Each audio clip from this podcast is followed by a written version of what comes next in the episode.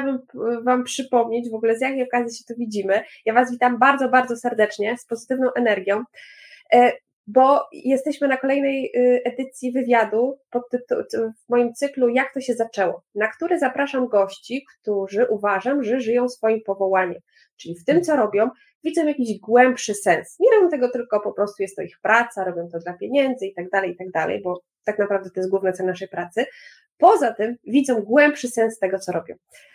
I Właśnie z tym pretekstem tak naprawdę zaprosiłam do, do swojego cyklu e, Sylwię Romą, Sylwię Roma, do, o które, do której za momencik przejdziemy. Jeszcze tylko się przedstawię. Ja się nazywam Martina Zawadzka-Gawrońska, prowadzę profil na Instagramie martina.zawadzka i na co dzień pomagam osobom, które tak naprawdę nie mają jeszcze pomysłu na siebie, nie wiedzą, co tak naprawdę chcą robić w życiu. Być może szukają czegoś głębszego, czyli swojego powołania.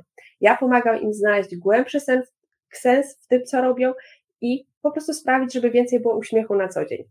E, mam nadzieję, że ten dzisiejszy wywiad z Sylwią będzie dla Was inspiracją do poszukania swojej drogi, znalezienia tej większej radości i sensu w swojej pracy. Po tym wstępie zapraszam już serdecznie do mojego, e, mojego gościa. Sylwia, bardzo proszę, powiedz kilka słów o sobie. Cześć. E, rozumiem, że mnie słychać. Tak, tak. Ja Cię słyszę cudownie i nie widzę tutaj jeszcze. Cześć, pozdrawiam, super. Dobra. w takim razie no słychać i widać. E, więc dziękuję Ci bardzo za zaproszenie. To jest bardzo dla mnie miłe móc w ogóle uczestniczyć w takich rzeczach i opowiadać o, o, o tematach, które też mi są bliskie, bo gdzieś tam spotykamy się w tym takim połączeniu tak, tych naszych misji. I, I co ja mogę powiedzieć o sobie? Czy mam powiedzieć teraz krótko czy długo, bo za bardzo nie wiem, bo rozumiem, że cały ten live jest trochę przeznaczony o to, żeby w jakimś tam sensie opowiedzieć o tej ścieżce, e, więc nie wiem, czy na razie się przedstawić długo, czy zacząć króciutko. Na razie króciutko, a rozwiniemy to. Okej, okay. więc jestem nauczycielem mindfulness y, i to jest chyba takie coś, co jest najbliższe mi tu i teraz, chociaż tak naprawdę no to ta ścieżka jest o wiele dłuższa i ma wiele różnych szczebli za sobą. I też od 20 lat praktykuję jogę i medytację, jestem też nauczycielem jogi, jestem też wykładowcą akademickim, wykładam na Uniwersytecie Łódzkim, e, jestem byłą prezeską Polskiego Instytutu Mindfulness e, i trenerem biznesu, na co dzień też pracuję w firmach i, i i cieszę się bardzo z tego, bo już od kilku lat właśnie nie robię innych rzeczy, którymi zajmowałam się wcześniej, a szkole i wdrażam jedynie e, z tego, co naprawdę jest bliskie mojemu sercu, czyli właśnie z uważności, z obecności, z komunikacji, z coachingu i dzielę się tym, co tak naprawdę sama robię. A gdybyś tak naprawdę miała w dwóch słowach opisać to, co robisz, czyli na przykład jakąś rolę, bo powiedziałaś o kilku, to byłoby mhm. to nauczycielka mindfulness, Mhm, tak, tak. W tej chwili, jak mam użyć e, jakby jednego sformułowania, to mówię, że tak, albo po prostu towarzyszka uważnego życia, albo nauczycielka uważnego życia, tak? Bo to jest coś, co myślę, że dużo ludzi teraz szuka. E, mhm. Jak to w tym biegnącym świecie zrobić, żeby faktycznie umieć się zatrzymać, tak? A powiedz mi, jak wygląda Twój dzień roboczy? Jak wygląda dzień roboczy nauczycielki uważności? Tak zupełnie szczerze i z ręką na sercu, mm, bez udawania czegokolwiek. Mój dzień wygląda od jakiegoś czasu. E, także wstaję między 5.30 a 6.30, to już tak najpóźniej.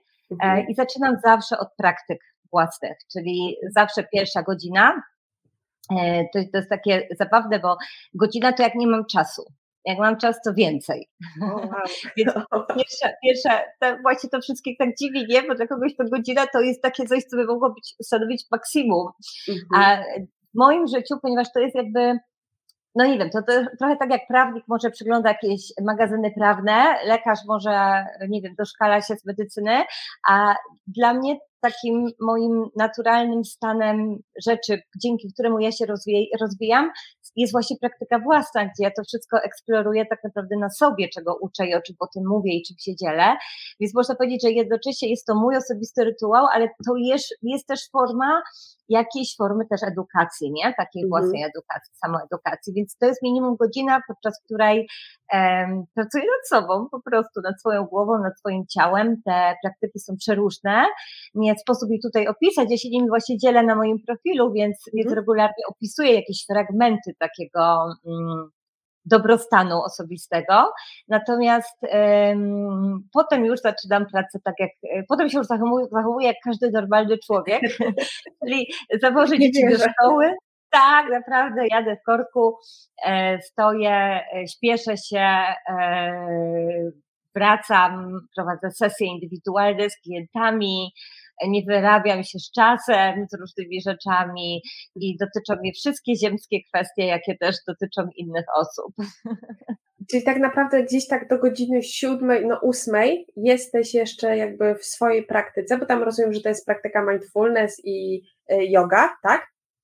a później już... Nie tylko, bo też mhm. dużo pracuję z umysłem, więc to też, ja na przykład uwielbiam notowanie, więc, więc pisanie intuicyjnie okay. i różne formy zapisywania rzeczy są taką mhm. formą, który, dzięki której ja się bardzo rozwijam, więc tam różne są te praktyki, to nie jest tylko yoga i medytacja, ale one stawią podstawę. Mhm. E, wiesz co, jak przeglądałam Twój profil, to masz... Yy użyte słowo, że jesteś coachem albo trenerem mindsetu. Mhm. Prawda? Tak, i pierwszy raz z tym słowem się zetknęłam, jak zostałam zaproszona na TEDxa i miałam do przygotowania wielkie wystąpienie, które wydawało mi się po prostu niemożliwe.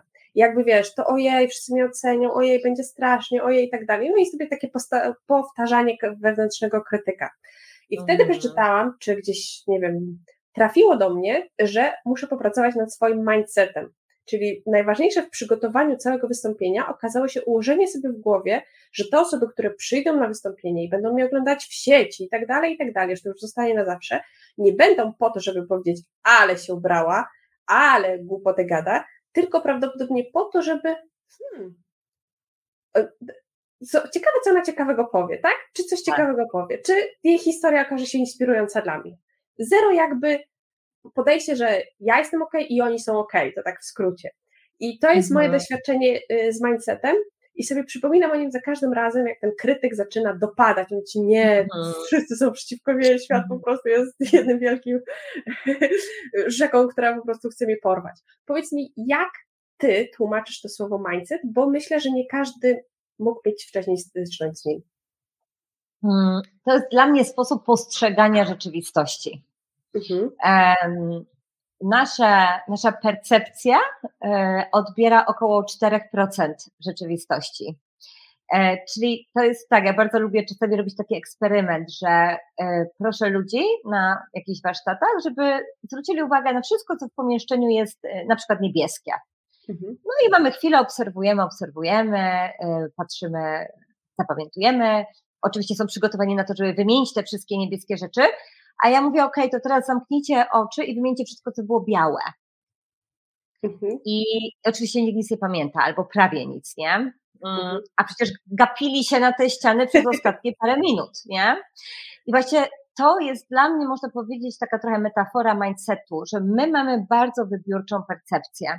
Mhm. Nasze mózgi są zaprogramowane przez lata naszych doświadczeń i emocje, które też odtwarzamy nieświadomie w układzie nerwowym i to generuje w rzeczywistości pewien sposób widzenia i postrzegania, a więc też nasze przekonania, wzorce i schematy.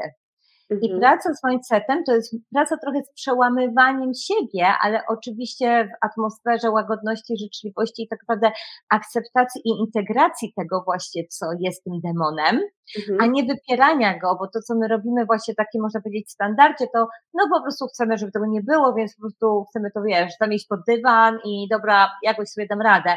A wtedy to wraca jak bumerang, prawda? Chociażby właśnie ten przykład, e, który ty podałaś, to mi mhm. bardzo w ogóle powszechny, tak, że wystąpienia publiczne paraliżują mnie i tak, tak naprawdę mamy um, ogrom wokół tego w swoich głowach właśnie takich różnych, nawet nieuświadomionych e, z dzieciństwa, ze szkoły, wiesz, mogłaś wychodzić na scenę i, i się podkrywać o schodzik e, i to wszystko mogło się wtedy zacząć, mhm. rozumiesz, tak? Więc to nie jest tak, że to musiała być jakaś straszna krzywda w życiu, o to mi chodzi, nie? Mogła być, ale nie mhm. musiała, a i tak moim zdaniem ten mindset, czyli sposób myślenia i postrzegania wymaga nieustającego odświeżania. No i tym się po prostu zajmuję. To I tak to mnie pasuje też. Mhm. Mhm. tak naprawdę to myślę, że każda jedna osoba, która sobie uświadomi w ogóle, że z tym ma problem, to jest w stanie przyjść do ciebie. Bo tylko chodzi o uświadomienie, że okej, okay, to co ja postrzegam, to jest tylko jakby no, jedna z opcji widzenia świata, nie? I jeśli sobie nad nią popracuję, to może mi być w życiu łatwiej na przykład i więcej będę w stanie, nie wiem, zrobić, spełnić marzeń, osiągnąć czy zrealizować planów. To o, otóż tak, pewnie, pewnie podejrzewam, że masz bardzo spo, podobne myślenie, jeżeli chodzi o osiąganie marzeń, czym mhm. wiem, że się zajmujesz, tak? tak że tak. To też zależy od tego, jak my o tym pomyślimy, prawda? Mhm. Przecież to nie jest tak, że niektóre osoby, które wszystko, co istnieje na świecie, stworzyliśmy my ludzie, prawda? Ale to nie jest tak, że te osoby, które to stworzyły, były w jakimś sensie lepsze. One były dokładnie takie same jak my, tylko mhm. miały inny sposób myślenia. Mhm. I to jest też rzecz, która wiesz, dla mnie jest bardzo fascynująca, bo kiedy rozmawiam z takimi ludźmi, którzy mają ten odpowiedni mindset, e, mhm. to oni naprawdę mówią w inny sposób. Tam się pojawiają inne liczby, tam się pojawiają inne założenia, mm, inne przekonania w ogóle do, do tworzenia biznesu. A co to znaczy odpowiedni mindset? O, wiesz, to chyba taka, takiej prostej odpowiedzi wydaje mi się, że nie ma, bo pewnie dla każdej jednostki związanej z jej życiem byłby inny trochę, nie? Ten odpowiedni, mhm. więc y, jak ja jestem w ogóle daleka w ogóle od takiego, wiesz, oceniania i opiniowania, że coś musi być jakieś i wtedy jest dobre. Bo na przykład popatrzmy na relacje i na związki. Jest mhm. tysiąc różnych związków i relacji międzyludzkich i one się jakoś kleją i są razem i są zadowoleni, chociaż my z naszego postrzegania możemy powiedzieć, Boże, jak to jest możliwe, jak ci ludzie w ogóle się dogadują ze sobą, mhm. tak? Więc, ale ich mindsety, ich specyficznym układzie i ich wzajemnej chemii są dobre. Mhm. Więc y, wydaje mi się, że odpowiedni mindset to jest taki, który świetnie działa dla danej osoby i pozwala jej się rozwijać w jej życiu, w jej konkretnym życiu, ale ważne jest to, tak mi się wydaje, nie, żeby tak naprawdę dociec do takiej trochę misji duszy, Czyli po co my tu jesteśmy? Bo nam się może wydawać, że mamy odpowiedni mindset, chodzimy do pracy, jesteśmy dobrymi ludźmi, yy, i wszystko jest jakby okej, okay, ale coś mhm. tam, jakaś struna wewnątrz gra i tak naprawdę czujemy, że coś by warto było jednak, żeby było inaczej. Niby pozornie wszystko jest poukładane. Obiektywnie, gdy ktoś może patrzy na to czyjeś życie, mówi, Boże, tam jest wszystko dobrze. A ta mhm. osoba wie, że okej, okay, jednak jest coś, co mi nie daje spokoju, bardziej lub mniej. Więc ten odpowiedni mindset to mi się wydaje, że jest takie zrewidowanie trochę tego, czy naprawdę gram mhm. wszystkimi stronami moich ta talentów i powołań. Czy może odgrywam bardziej scenariusz, który jest e, popularny, ale nie mój. Hmm. A długo się pracuje nad takim mindsetem? No, całe życie myślę. no, no tak. Wiesz, moi, moi mentorzy, gdzie mogłabym powiedzieć, że no od nich się uczę, nie, więc są dużo mhm. gdzieś tam dalej, oni się też uczą. Więc wnioskuję z tego i o tym też opowiadają, tak? I też czują, i też mają rozterki, i też mają problemy z podejmowaniem decyzji na innym poziomie, i też mhm. mają trudne emocje. A wiesz, na przykład do mnie przychodzą ludzie na kursy mindfulness, czyli uczymy się medytacji, treningu mentalnego i y, nawigowania emocjami i mhm. mają takie wyobrażenie i to jest zawsze, że y, chodzi o to, żeby osiągnąć taki stan, żeby już w ogóle się na przykład nie złościć, w ogóle nie czuć smutku. Tak. Rozumiesz? Mhm. To nigdy tak nie będzie, ponieważ nasze układy nerwowe są tak zaprojektowane, żeby czuć, no chyba, że weźmiesz antydepresanty, ale jeżeli chcesz żyć normalnie i zdrowo, będziesz to mhm. wszystko czuć, będziesz mieć te rozterki. E, tylko odpowiedni mindset, czyli odpowiedni sposób myślenia powoduje, że umiesz szybciej rozpoznać e, mechanizmy, jakie w tobie grają i mhm. łatwiej może e, znajdywać rozwiązania albo łatwiej szukać pomocy, jak nie znasz tych rozwiązań, nie? Bo na początku ten pierwsza faza wydaje mi się takiego życia trochę mm, takim totalnym mm, popularnym środowisku, czasami to się nazywa 3D, ja to czasami nawet nazywam 1D, To jest po mhm. prostu, życie jest takie, jakie jest i się nad tym nie zastanawiamy, nie? I wiesz co, ja myślę tak szczerze, że to też nie jest zły sposób, bo tak można przeżyć całe życie. I znam mhm. masę osób takich, tak? Więc, no, ja też e, no rozumiesz. I teraz pytanie, no, czy to jest konieczne, żeby zmieniać im mindset, jeżeli oni się z tym dobrze czują i nic tam im wewnętrznie nie gra, żadna mhm. struna się nie porusza, to może ich misją, ich rolą życiową, przecież jest nas tyle na świecie, że niekoniecznie wszyscy muszą być na jakimś poziomie i nigdy tak nie będzie, nie? Więc po prostu chodzi o to, żeby mindset pewnie ma być ustawiony na tym wymiarze, na którym nam jest dane przeżyć to wcielenie, jeżeli ktoś to wierzy, że istnieją wcielenia. I on ma mhm. nam po prostu pomóc w tym, tak? Żeby nas doprowadzić do spełnienia jakiegoś siebie czy swojej karmy, czy swojej misji, czy po prostu życia w zdrowiu i szczęściu.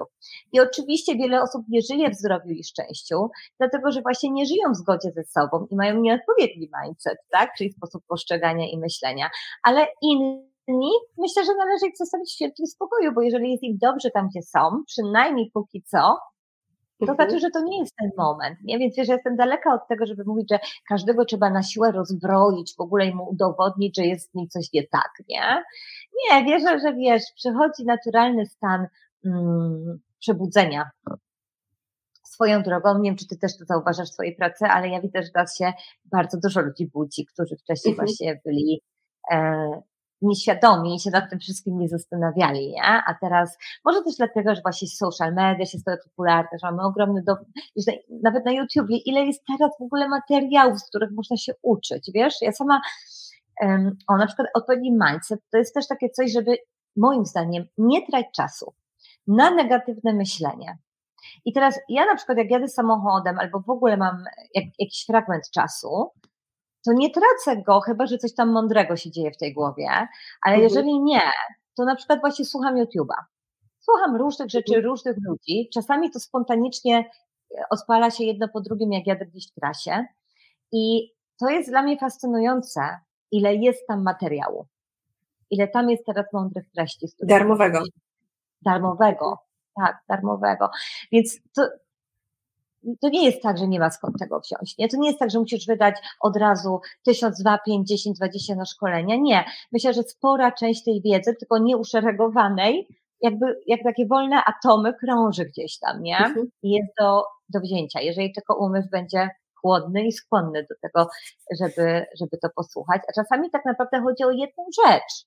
Tak jak pewnie na mhm. przykład nawet w takich rozmowach jak, jak nasza, chodzi, żeby usłyszeć tą jedną rzecz, która jest do ciebie tak. i cię poruszy, i spowoduje, że poczujesz, że okej, okay, ja chcę iść dalej, czuję, że to nie jest to miejsce, że to nie jest koniec, że nie mam się tu zatrzymać, tylko że to jest pewien etap i jest coś dalej, tak? Więc to właśnie chodzi o to poruszenie, za którym zaczynamy podążać i im bardziej wsłuchujemy się w ciało, tym bardziej możemy tak naprawdę intuicyjnie wybierać kolejne kroki. A powiedz mi, mhm. Mhm. Y, Sylwia, powiedz mi, bo myślę, że to będzie ciekawiło osoby, które, które to obejrzą czy oglądają. Y, okej, okay. uświadomiłam sobie właśnie, hmm, to może warto popracować nad tym mindsetem. Jak mogę to zrobić? Jaki może być pierwszy krok? Nie chcę od razu wydawać na konsultacje i tak dalej. Chcę po prostu usiąść sobie i uświadomiłam sobie, co mogę dalej zrobić. Mhm, mhm. Wiesz to, moim zdaniem takim dobrym pierwszym krokiem jest spojrzenie prawdzie w oczy. Czyli mhm. No, ja tak jak już wspominałam, uwielbiam pisać, więc um, myślenie to nie jest to mhm. samo, co mówienie i pisanie.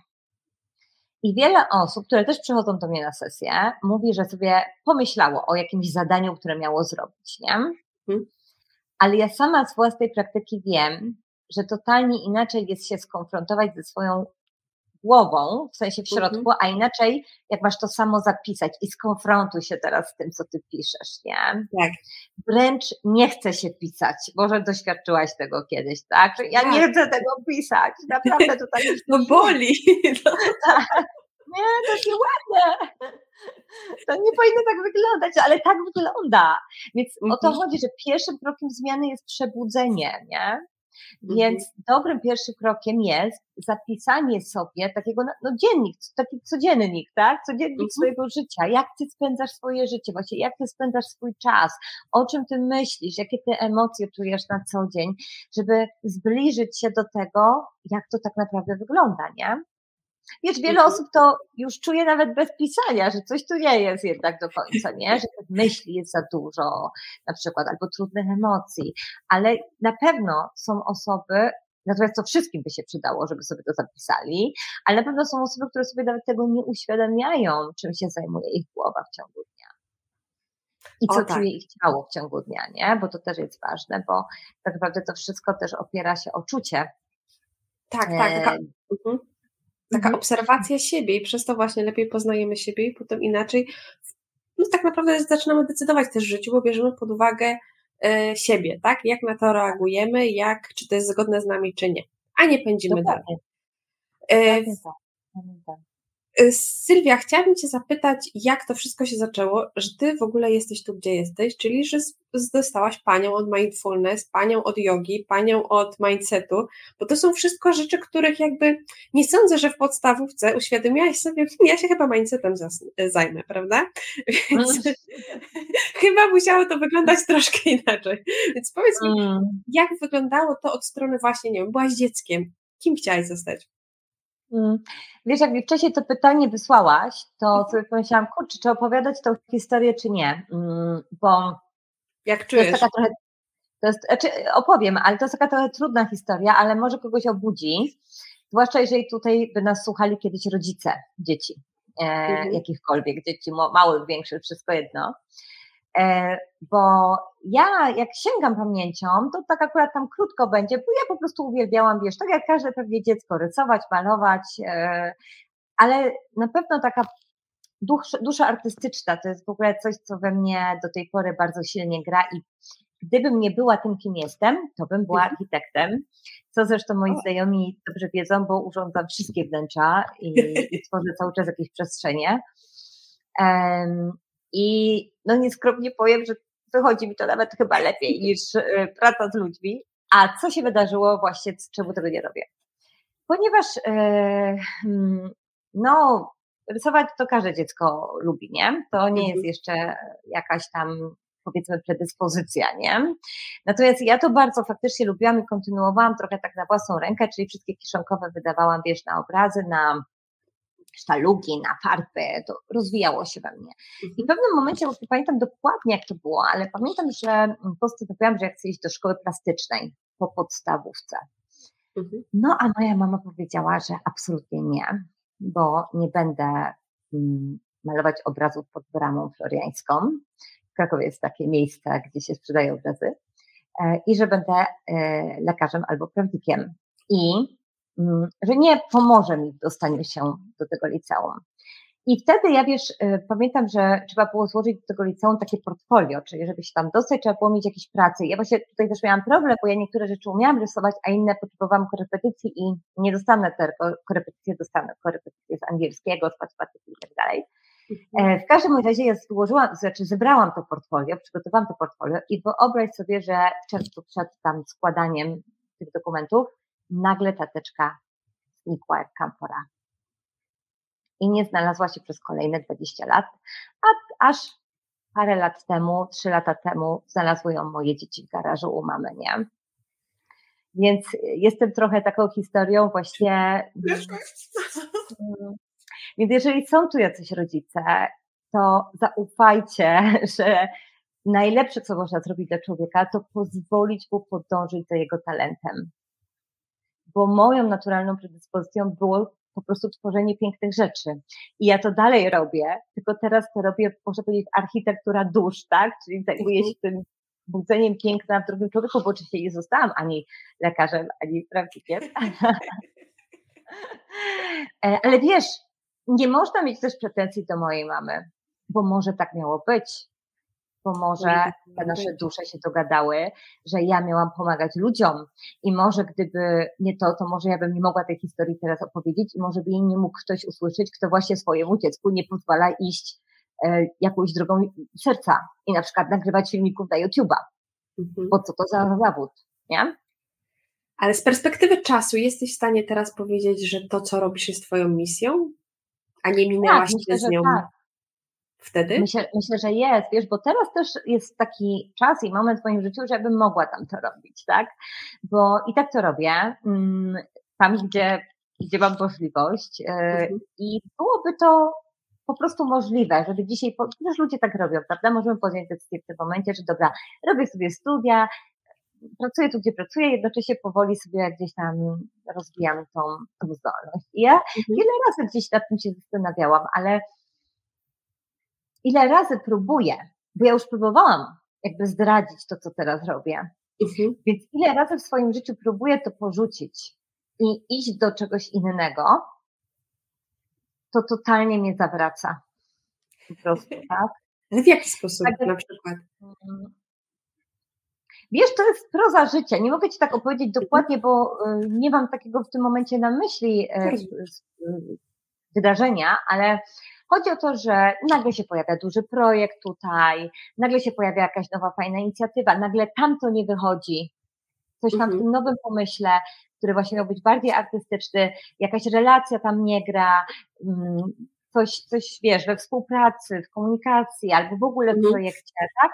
Po prostu dzieją się różne rzeczy, które powodują, że e, a ja cały czas po prostu podążam, słucham siebie, obserwuję, co się dzieje i podążam i widzę, że e, jakby wracam do tego miejsca ciągle właśnie, tej misji, tak, dzielenie się z ludźmi i więc uznaję już od jakiegoś czasu, że ja tu po prostu mam być, że to jest moje powołanie, tak, I że to może jest też ta kreacja, kreacja piękna tego wewnętrznego w ludziach, bo przecież my też jesteśmy i możemy być piękni, jeżeli się właśnie przebudzimy do tego swojego piękna, tak? I pozwolimy sobie na to obudzenie go w sobie, więc może to jest ostatecznie ta moja misja, nie?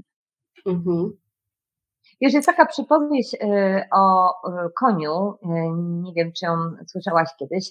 O, ja mam nadzieję, że powiem to w miarę ładnie, bo ona tak ładnie napisana, tak, mm, tak trochę wyszła, ale nie pamiętam, czy, czy dobrze ją wiesz, odtworzę, mhm, ale tak. Myślę, że sporo osób tutaj może ją kojarzyć, więc wybaczcie, jeżeli ona brzmi lepiej niż to, co teraz fiksuję. Ale mhm. pewien chłop spotkał na drodze konia, przyprowadził go do domu i wszyscy mu zazdrościli i on mówił, czy to dobrze, czy to źle, czas pokaże. Mhm. I potem ten koń zachorował, e, i wszyscy go e, żałowali, że mu ten koń choruje, a on mówił, czy to dobrze, czy to źle, czas pokaże. Mhm. Potem była wojna i wszyscy konie wzięli na wojnę, a tego jego konia nie wzięli, bo był chory. Mhm. I wszyscy mu zazdrościli, że to jego koń został. A on mówił, czy to dobrze, czy to źle, czas pokaże. I ta historia się jeszcze kontynuuje. Mhm. Ale właśnie ja to samo wiesz, myślę, nie? że my mamy takie tendencje do opiniowania, nie? że o, mhm. szkoda, nie? że mama tak zrobiła. Ale no, no, gdyby tak nie zrobiła, to znowu nie byłabym tu, gdzie jestem, nie? W tym momencie, tak. nie? Więc czy to dobrze, czy to źle, czas pokaże. Czyli trzeba być wdzięcznym za to, co się przytrafia, czy co los nam daje, bo tak naprawdę nie wiemy, czy to dobrze, czy to źle. Czas pokaże, bądźmy wdzięczni za to, co mamy, uśmiechajmy się y, temu, co życie kładzie nam czasem pod nogi, bo prawdopodobnie ma to nas czegoś nauczyć albo zaprowadzić do nowych osób w naszym życiu. To jest łatwo się tak. mówi, ale wiem, że jak w codzienności czasem, no kurde, wszystko przeciwko mnie, świat jest po prostu przeciwko mnie, ale to też jest właśnie kwestia tego mindsetu. Okej, okay, wszystko Dokładnie. się dzieje dla mnie, wszystko się dzieje dla mnie. Ja sobie zawsze tak powtarzam, jak już mam taką burzę, jak to mi źle i jak wszystko jest po prostu przeciwko mnie, to wręcz afirmuję sobie po prostu, wszystko się dzieje dla mnie, wszystko się dzieje dla mnie, wszystko się dzieje mhm. dla mnie. Mhm. Mhm. I to jest bardzo dobry sposób, o którym tutaj mówisz, naprawdę, nie? Mhm. Bo my potrzebujemy tego umocowania jednak w tych tak. pozytywnych myślach, kiedy z automatu przechodzą te negatywne, nie? Tak, tak, mhm. bo oni, oni zawsze łatwiej, prawda? Jakoś ten mózg nasz tak pracuje, że zawsze te negatywne chce nas chronić niby, nie? Tak to jest napisane. A powiedz mi, e, Sylwia, bo Wiemy, jak to się stało z tymi dokumentami, gdzie, gdzie twoja teczka zaginęła, jak ta czarna teczka, co się z nią stało. Powiedz, jak, jak to wpłynęło na twoje życie? Jaki, na jakich, jakie studia skończyłaś? I dlaczego takie? E, skończyłam studia najpierw z zarządzania mm, kadrami, potem zarządzania firmą, mm, bo wtedy, wiesz, takie po prostu były popularne studia. Tak. E, to w tamtych czasach tak, tak po prostu było, więc to był jakiś taki wybór, właściwie już totalnie nie z duszy, nie z misji, nie? Tylko on, mhm. on wtedy był taki niezwiązany z niczym. Tak, naprawdę pewnie, tak, dokładnie. I, I też dlatego ja się tym teraz po prostu nie, nie zajmuję. oprócz tego, że na pewno w jakimś sensie mnie to wspiera w ogóle w prowadzeniu swojego biznesu i ja tak naprawdę bardzo mało pracowałam na, na etacie, może mhm. łącznie jakieś cztery lata w życiu tam gdzieś na początku swojej kariery, e, bo ja od początku właśnie wiedziałam, że ja mam zasoby, e, żeby prowadzić się sama, tak, w swojej mhm. działalności, chociaż nie miałam oczywiście jakiegoś tam jakichś zasobów finansowych i tak dalej, ale takie przekonanie w sobie, nie, że e, może właśnie po to te studia były, nie, że gdzieś tam dały tą mhm. taką bazę e, takich kompetencji i informacji, jak to po prostu robić samodzielnie. A później? No, później to już wiesz, poszło, nie? Więc, e, więc e, to też była taka historia w sumie, gdzie jestem też, no widzisz, w zasadzie wszystko jest ze sobą połączone. Mhm. Ja mam dużo takich w ogóle historii, to mogła je, o Boże, takiego, takiego splotu, bo nie wiem, czy też tak masz w swoim życiu, że wszystko się dzieje w oparciu o sploty. Mhm. Właśnie tak jak z tym koniem, że coś się dzieje, nie wiem czemu, a potem ileś lat później się dowiadujemy i jak zdążę, to tutaj opowiem tak taką bardzo fajną historię ten temat, ale wcześniej opowiem to, co pytałaś, bo to też był splot, że mm, ja no, skończyłam te studia z marketingu, nie? Zarządzania z marketingu i ale pracę dyplomową na Akademii Ekonomicznej pisałam w ogóle z komunikacji marketingowej, więc mhm. po studiach dostałam się do agencji reklamowej, mhm. do agencji eventowej, dokładnie. I w tej agencji moją szefową została um, kobieta, zresztą bardzo dobrze wspominam, bo to taka była pierwsza też taka trochę nauczycielka właśnie w różnych tematach, e, która zarządzała tam działem mm, rozwoju takiego produktu związanego też z, znaczy z launchingiem produktów, czyli wdrażaniem w Polsce różnych startujących wtedy mm, ogólnie firm i ich usług, ale w ramach tego wdrażania były też szkolenia na mhm. całą Polskę robione szkolenia dla nowych pracowników z tych nowych produktów i usług. Więc ja przypadkiem, nie przypadkiem od razu trafiłam do tego działu szkoleń. Mhm. Tak? To jest związane z tym, co robię dziś. Więc chociaż tematyka była totalnie jeszcze wtedy inna, bo to były usługi, to były produkty i to była sprzedaż, to jednak zaczęłam już praktycznie od początku tej kariery zawodowej uczyć ludzi, być na sali i przebywać z ludźmi. Mhm. Później te kropeczki zaczęły się łączyć, czyli Moja przyjaciółka, która wtedy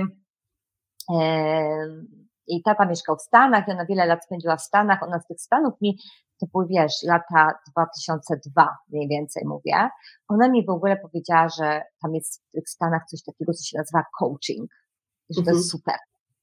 Mhm. W Polsce tego naprawdę, ja pamiętam, że wtedy taki normalny, stacjonarny komputer wpisałam ten coaching, tak? Nic, zero po prostu w Polsce to nie istniało, nie? Mhm. Wtedy była Interia, był Onet, wiesz, to takie totalne początki. Mhm. I, e, I w 2005 czy 2006 roku, jak ja kończyłam studia, nagle w Krakowie na Wszechnicy pojawił się pierwszy program coachingowy, przyleciała z, z Kanady Marilyn Atkinson, gwiazda coachingu z programem, programem Art and Science of Coaching, a mi rodzice wtedy na koniec studiów dali 10 tysięcy na kupienie sobie. I ja te pieniądze zainwestowałam w ten kurs coachingowy. Mhm. Nie kupiłam tego auta. I tak to się zaczęło. Mhm. Tak? Okazało się, że wylądowałam w ogóle na genialnym szkoleniu z 30 czy 40 osobami, które do dziś są no naprawdę takim top levelem coachów w Polsce e, mhm. albo w ogóle praktyków czegoś, bo to były nieprzypadkowe wtedy osoby. Oni byli też dużo starsi wszyscy ode mnie i dużo bardziej świadomi, gdzie przyszli, na co się mhm. zapisali i do kogo. Ja mhm. trochę tak skoczyłam na zasadzie totalnej intuicji i spontana. Magda mówiła, że to jest fajne, nagle w Polsce to się pojawiło, mam 10 tysięcy, dobra. Szaleję. To, była, to było wtedy naprawdę dużo pieniędzy, tak? To, to nie było tak jak dzisiaj 10 tysięcy, to było, słuchajcie, 20 mhm. lat temu, 18 Ojej. lat temu, tak? tak? Też więc, więc to też mierzmy to inną miarą, nie? Mhm. Więc ja naprawdę, to była duża inwestycja jak dla mnie wtedy, nie? Ale widzisz, i to się zaczęło wtedy, to się po prostu zaczęło. Ja zaczęłam to robić. Tutaj ta agencja, te szkolenia, tutaj coaching, ten program, i mhm. nagle to wszystko zaczęło stykać.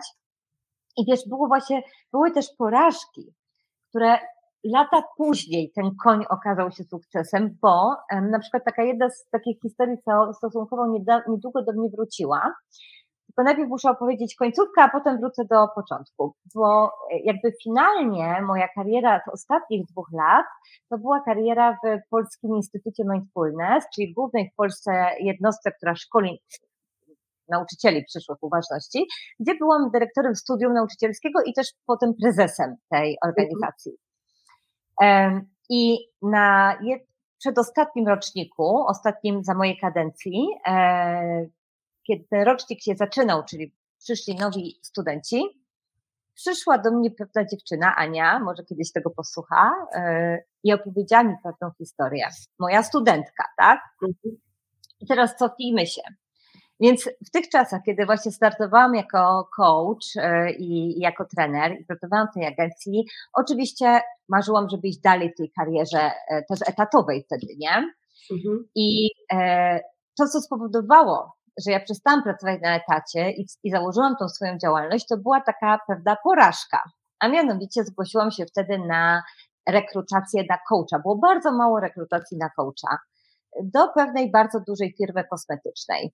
Mm, I e, tam na tym procesie rekrutacji było ileś wiesz stopni, taki był cały assessment center, development center, jakieś różne zadania, potem jak już przeszłam te różne etapy, to na ostatnim etapie było stworzenie swojego projektu właśnie takiego wdrażania coachingu, także ja doszłam do samego końca mhm. i na końcu się dowiedziałam, że jakaś inna dziewczyna wygrała. Na samym końcu. Mhm. Czyli opad, odpadłam na etapie, wiesz, dwóch osób, nie? Mhm. I wtedy przeżyłam kryzys i stwierdziłam, że ja to pierniczę i założyłam mhm. swoją działalność. I teraz słuchaj, jestem tym prezesem i tym wykładowcą, prowadzę te zajęcia i przychodzi do mnie Ania i mówię, wiesz Sylwia, bo my razem kiedyś dawno temu startowałyśmy w takiej rekrutacji do takiej firmy kosmetycznej i ja ją wtedy wygrałam, nie? Mhm. Jestem totalnie wypalona i teraz przyszłam tutaj na to studium, żeby odzyskać siebie i żeby nauczyć się uważności i uczyć ludzi mindfulness. O kurczę. Zobaczcie, jaka historia. Mhm. I co wtedy pomyślałaś? To było jedno, wiesz, z takich moich naprawdę wielkich wow, kiedy sobie pomyślałam, kurczę, no naprawdę nie wiesz, nie? Naprawdę nie wiesz w ogóle o czym to jest i do czego ci to doprowadzi, nie? I jeżeli tylko przekujesz tą porażkę w sukces z zaufaniem i z odwagą, dobra, nie chcą mnie tam, to mam tam nie być. To nie jest o mnie, tylko to jest o tym, że wszechświat mi mówi, że ja mam tam nie być, bo ja mam robić coś innego. Inna jest moja misja. Dokładnie. I idziesz dalej, nie? Dokładnie. Ja słyszę strasznie taki jakiś pogłos słuchawce. Ty też to masz? Yy, nie. Dajcie no znać, czy coś jest, czy jest wszystko tak. dobrze. No to dobra, mam nadzieję, że no. to tylko u mnie. Widzę, że osoby nas oglądają, że oglądają nas ludzie. Słuchajcie, jeśli coś źle słychać, to napiszcie proszę, dobra? Bo wiecie, my tu sobie fajnie rozmawiamy, a może się zaraz tak. okazać, że, że na tym się skończy nasza rozmowa. No właśnie. Dobra. Znaczy ja sobie słyszę, tylko słyszę pogłos, wiesz? Pogłos? E, no. Wiesz co, no spróbujmy, no ewentualnie mogę drugą słuchawkę spróbować założyć, ja e, zejrzę sobie. Ale mi to, mi to bardzo nie przeszkadza, byleby to się nie okazało, że to tam gdzieś po mhm. prostu psuje nam coś na łączu. Dobra, ja spojrzę tylko na komentarze. Widzę na Instagramie, że dosta, e, Kamil napisał fajnie, to samo robię jadąc do pracy, zawsze wykorzystuję czas. A. Czekaj, coś tu ominęłam. Janna Chmura ma takie powiedzenie, jak coś idzie nie według jej planu, to nawet lepiej. No i to jest jakby zgodne z tym, co mówimy i, i bardzo tak. fajnie, to nawet lepiej. A na Facebooku dostałyśmy propozycję e, wyjścia z Atomka. Najpierw jedna, później druga. Za Tomek, dziękujemy bardzo. Ja akurat dzisiaj obrączki nie mam na palcu, ale myślę, że jesteśmy obie akurat zajęte. Ale dzięki, że napisałeś. Zawsze to fajnie zmienić temat na chwilę i, przejść w ogóle na, e, na coś innego. Dobra, słuchaj, wiem jak to, yy, wiemy jak to się stało, że no, że tak naprawdę, że, że czujesz jednak, że jesteś we właściwym miejscu, że masz tą misję i że to wszystko, yy, no i, i, że działasz. Powiedz mi, jak widzisz, yy, nie wiem, czy w ogóle sobie planujesz przyszłość, czy masz jakieś cele długoterminowe, jak widzisz swoją przyszłość? Czy cały czas w tym, w tej działce, czy, czy to jakoś inaczej chciałabyś, żeby wyglądało? Mhm. Już e, planuję, tak, ja uwielbiam planować i potem to się wszystko rozwala i to też jest okej. Okay. Mm, bo tak jest planami, nie? Bo planujemy sobie, żeby się nie, nie stało to, tylko coś innego. Tak ale niemniej jednak zawsze sobie planuję. Mhm. Ale tak na poważnie to, to, co naprawdę tak z serca zaplanuję, to to się dzieje. Niekoniecznie od razu, ale to też pamiętajcie, że zawsze to jest tak, że masz dwa wyjścia, masz jakiś cel, masz jakieś marzenie i to się nie dzieje. Więc masz dwa wyjścia. Albo się poddasz i to się i tak nie wydarzy, albo się nie poddasz i to się na pewno wydarzy. Tylko tak. Nie w tym momencie, nie? Mhm. Więc e, ja oczywiście, że planuję. Nie wszystko mi się dzieje od razu. E, też wiesz, teraz jest taka woda na manifestacje, nie? I mhm. dużo się o tym gdzieś tam mówi i tak dalej. Ja jestem może trochę jeszcze z innego pokolenia, ale mam jeszcze taki system przekonań, któremu się też przyglądam, ale, ale też w jakimś tam sensie mm, mu ufam, że to, to po prostu zależy też od naszej wytrwałości i pracy, a nie tylko od y, jakby połączenia się z górą. Przy czym mhm. oczywiście i jedno i drugie jest fajne i wartościowe. E, bo tak naprawdę im bardziej jesteśmy zintegrowani ze sobą i z, z, z, swoimi emocjami, tym łatwiej nam się po prostu przechodzi przez te różne etapy życia, które mhm. E, są naturalnymi etapami, kiedy coś planujemy. I oczywiście, że mam plany długofalowe. E, może niekoniecznie będę tutaj tak o nich szczegółowo opowiadać, bo też wiem i mam takie założenie, że niektóre rzeczy warto, żeby dopóki nie zaczynają kiełkować, żeby wiedzieć, że to jest żeby się ta energia nie rozpraszała, ale jeżeli już mówimy o tej pracy mojej, to mam, powiem Ci szczerze, chyba nigdy tyle nie miałam wobec niej planów, co teraz. Zresztą mhm. tak się też poznałyśmy, nie? Tak, dokładnie. E, tak. Związane, się ta decyzja, ale um, po prostu teraz jakby widzę też, że wchodzimy na nowy etap świadomości, że ludzie naprawdę są chłonni, ciekawi, otwarci i że kiedyś, wiesz, zobacz, że ja już tu bardzo dużo lat robię, nie? 18, mhm. więc y, przeszłam naprawdę dużo mm, rzeczy, że tak powiem, obserwując. Byłam też e, i uczestniczką wcześniej i potem też kierowniczką przez parę lat e, takiego festiwalu, którego możesz nawet nie znać, bo mhm. jesteś młodsza ode mnie i to było jeszcze tak? nie w twoich czasach, myślę. E, Festiwal Rozwoju Osobistego Progresteron. Słyszałaś kiedyś o tym? No mhm. widzisz. A to były, to były wspaniałe czasy w Polsce. Teraz powiem, jakaś po prostu babcia rozwoju osobistego. No. Ale to były niesamowite czasy w Polsce. Rok 2000, 2001, 2002 i tak dalej, kiedy mhm. Y, wspaniałe dziewczyny e, otworzyły taki festiwal i on się dział w różnych miastach i to było taka, takie, y, wiesz, ziarenka rozwoju osobistego, bo to były programy takie, że na trzy godziny było 80 warsztatów w ciągu weekendu i można było sobie powybierać, na co przechodzisz. I ja wtedy naprawdę dowiadywałam się rzeczy kosmicznych, bo to nigdzie nie było jeszcze dostępne, nie było internetu, tak? A tam był i Hellinger, i Mandale, i właśnie mhm. różne formy z wschodu. No tam były niesamowite rzeczy, bo to ściągało właśnie te pojedyncze osoby, które też nie miały się gdzie o tym jeszcze mówić i dzielić, nie? Więc mhm. e, i wiesz, i to był też taki czas, kiedy kiedy tak naprawdę myślę, że tymi tematami się interesowało, nie wiem, jeżeli byśmy przyjęły, że dzisiaj się interesuje 10% społeczeństwa, nie wiem ile mhm. się interesuje. Może nie wiem, czy są takie badania. Ja nie, wiem. nie. Ja też nie wiem, ale na pewno nie więcej niż 30? Tak. No nie. Tak, tak. To, mm, to wtedy, w tamtych czasach, myślę, że się interesowało 1%. Rozumiesz? Mhm że jakby ta skala, cokolwiek jest dzisiaj, jak może ktoś zna, może, może są jakieś gdzieś dane, nie wiem, ale na pewno dzisiaj to jest 100 razy więcej, a mhm. jednocześnie nie wszyscy jeszcze. Także tak. to się zaczyna, wiesz, w tej sferze duchowej bardziej takiej mówi się o erze e, wodnika, tak? I teraz obojętne, czy tutaj są osoby, które w to wierzą, czy nie wierzą, zmiana idzie świadomości i to chyba wszyscy czujemy, tak? Chociażby dlatego, że po prostu większy dostęp do informacji, a kiedy mamy dostęp do informacji, to możemy też przemyśleć inne pewne rzeczy, a kiedy zaczynamy je przemyśliwać, to naturalnie się rodzi w nas ta potrzeba, kurde, może jednak bym mógł, mogła żyć trochę jednak inaczej, nie? Więc mhm. jest bardzo duże pole do pracy dla nas, osób, które pracują w tym temacie i myślę sobie, że wiesz, mam taką ochotę coraz bardziej autentycznie dzielić się pewnymi rzeczami, które wcześniej gdzieś może mm, tak bardziej w kuluarach, w grupach mhm. zamkniętych właśnie, tam gdzie widziałam, że to na pewno się zasieje, e, a teraz jest po prostu czas, żeby bardziej odważnie wychodzić z tym, co mamy do powiedzenia. Pięknie. Myślę, że myślę, że masz rację, wiesz, no bo to jest to jest takie, też widzę po sobie, bo ta odwaga właśnie mówienia o tych rzeczach, takich niepopularnych i często mhm. takich, no wiesz, nieskupionych na takiej codzienności. Codzienność jest trudna i tak dalej, i tak dalej, a tutaj jakieś głupoty, nie? W ogóle ze świata, nie wiadomo co, nie? Z książek, tam z innych rzeczy.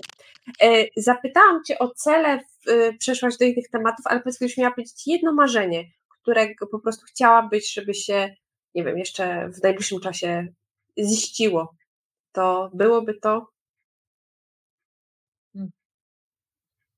Jest kilka, mm, ale nie wszystkie właśnie chcę nazywać na głos. One mi od razu przychodzą do głowy, więc też wiesz, coaching to jest taka metoda, zawsze to mówię klientom, jak e, jest taki moment, to po prostu sobie pomyśl odpowiedź, a mhm. nie musisz mi jej mówić, więc, mhm. więc chcę, żebyś tak. wiedziała, że ja sobie pomyślałam tą odpowiedź. Okay.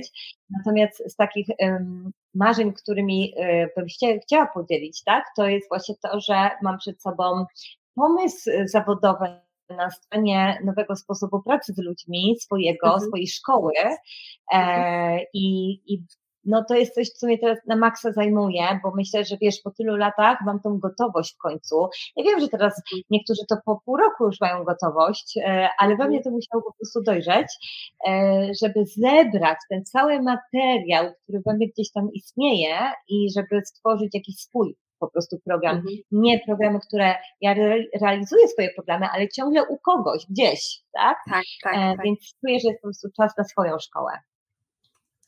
Słuchaj, e, Sylwia, na koniec życzę Ci właśnie spełnienia tych marzeń, zarówno tych, co wypowiedziałaś na głos, jak również tych, które gdzieś głęboko w sercu krzyczą wybierz mnie, wybierz mnie, ja pierwsze, ja pierwsze, Niech się spełnią te marzenia. Wierzymy wszystkie. Wierzymy wszystkie. Życzę Ci odwagi do spełnienia tych y, marzeń, bo wierzę, że mindset już masz do tego, żeby, żeby iść swoją drogą i serdecznie dziękuję Ci za rozmowę, że przyjęłaś zaproszenie. Dziękuję bardzo, dziękuję za zaproszenie i też Ci życzę tego samego. Dziękuję I do spotkania za... na tej drodze. Tak, do spotkania na tej drodze, będę Ci kibicować. Ja Tobie też. Cześć, papa. Dziękuję.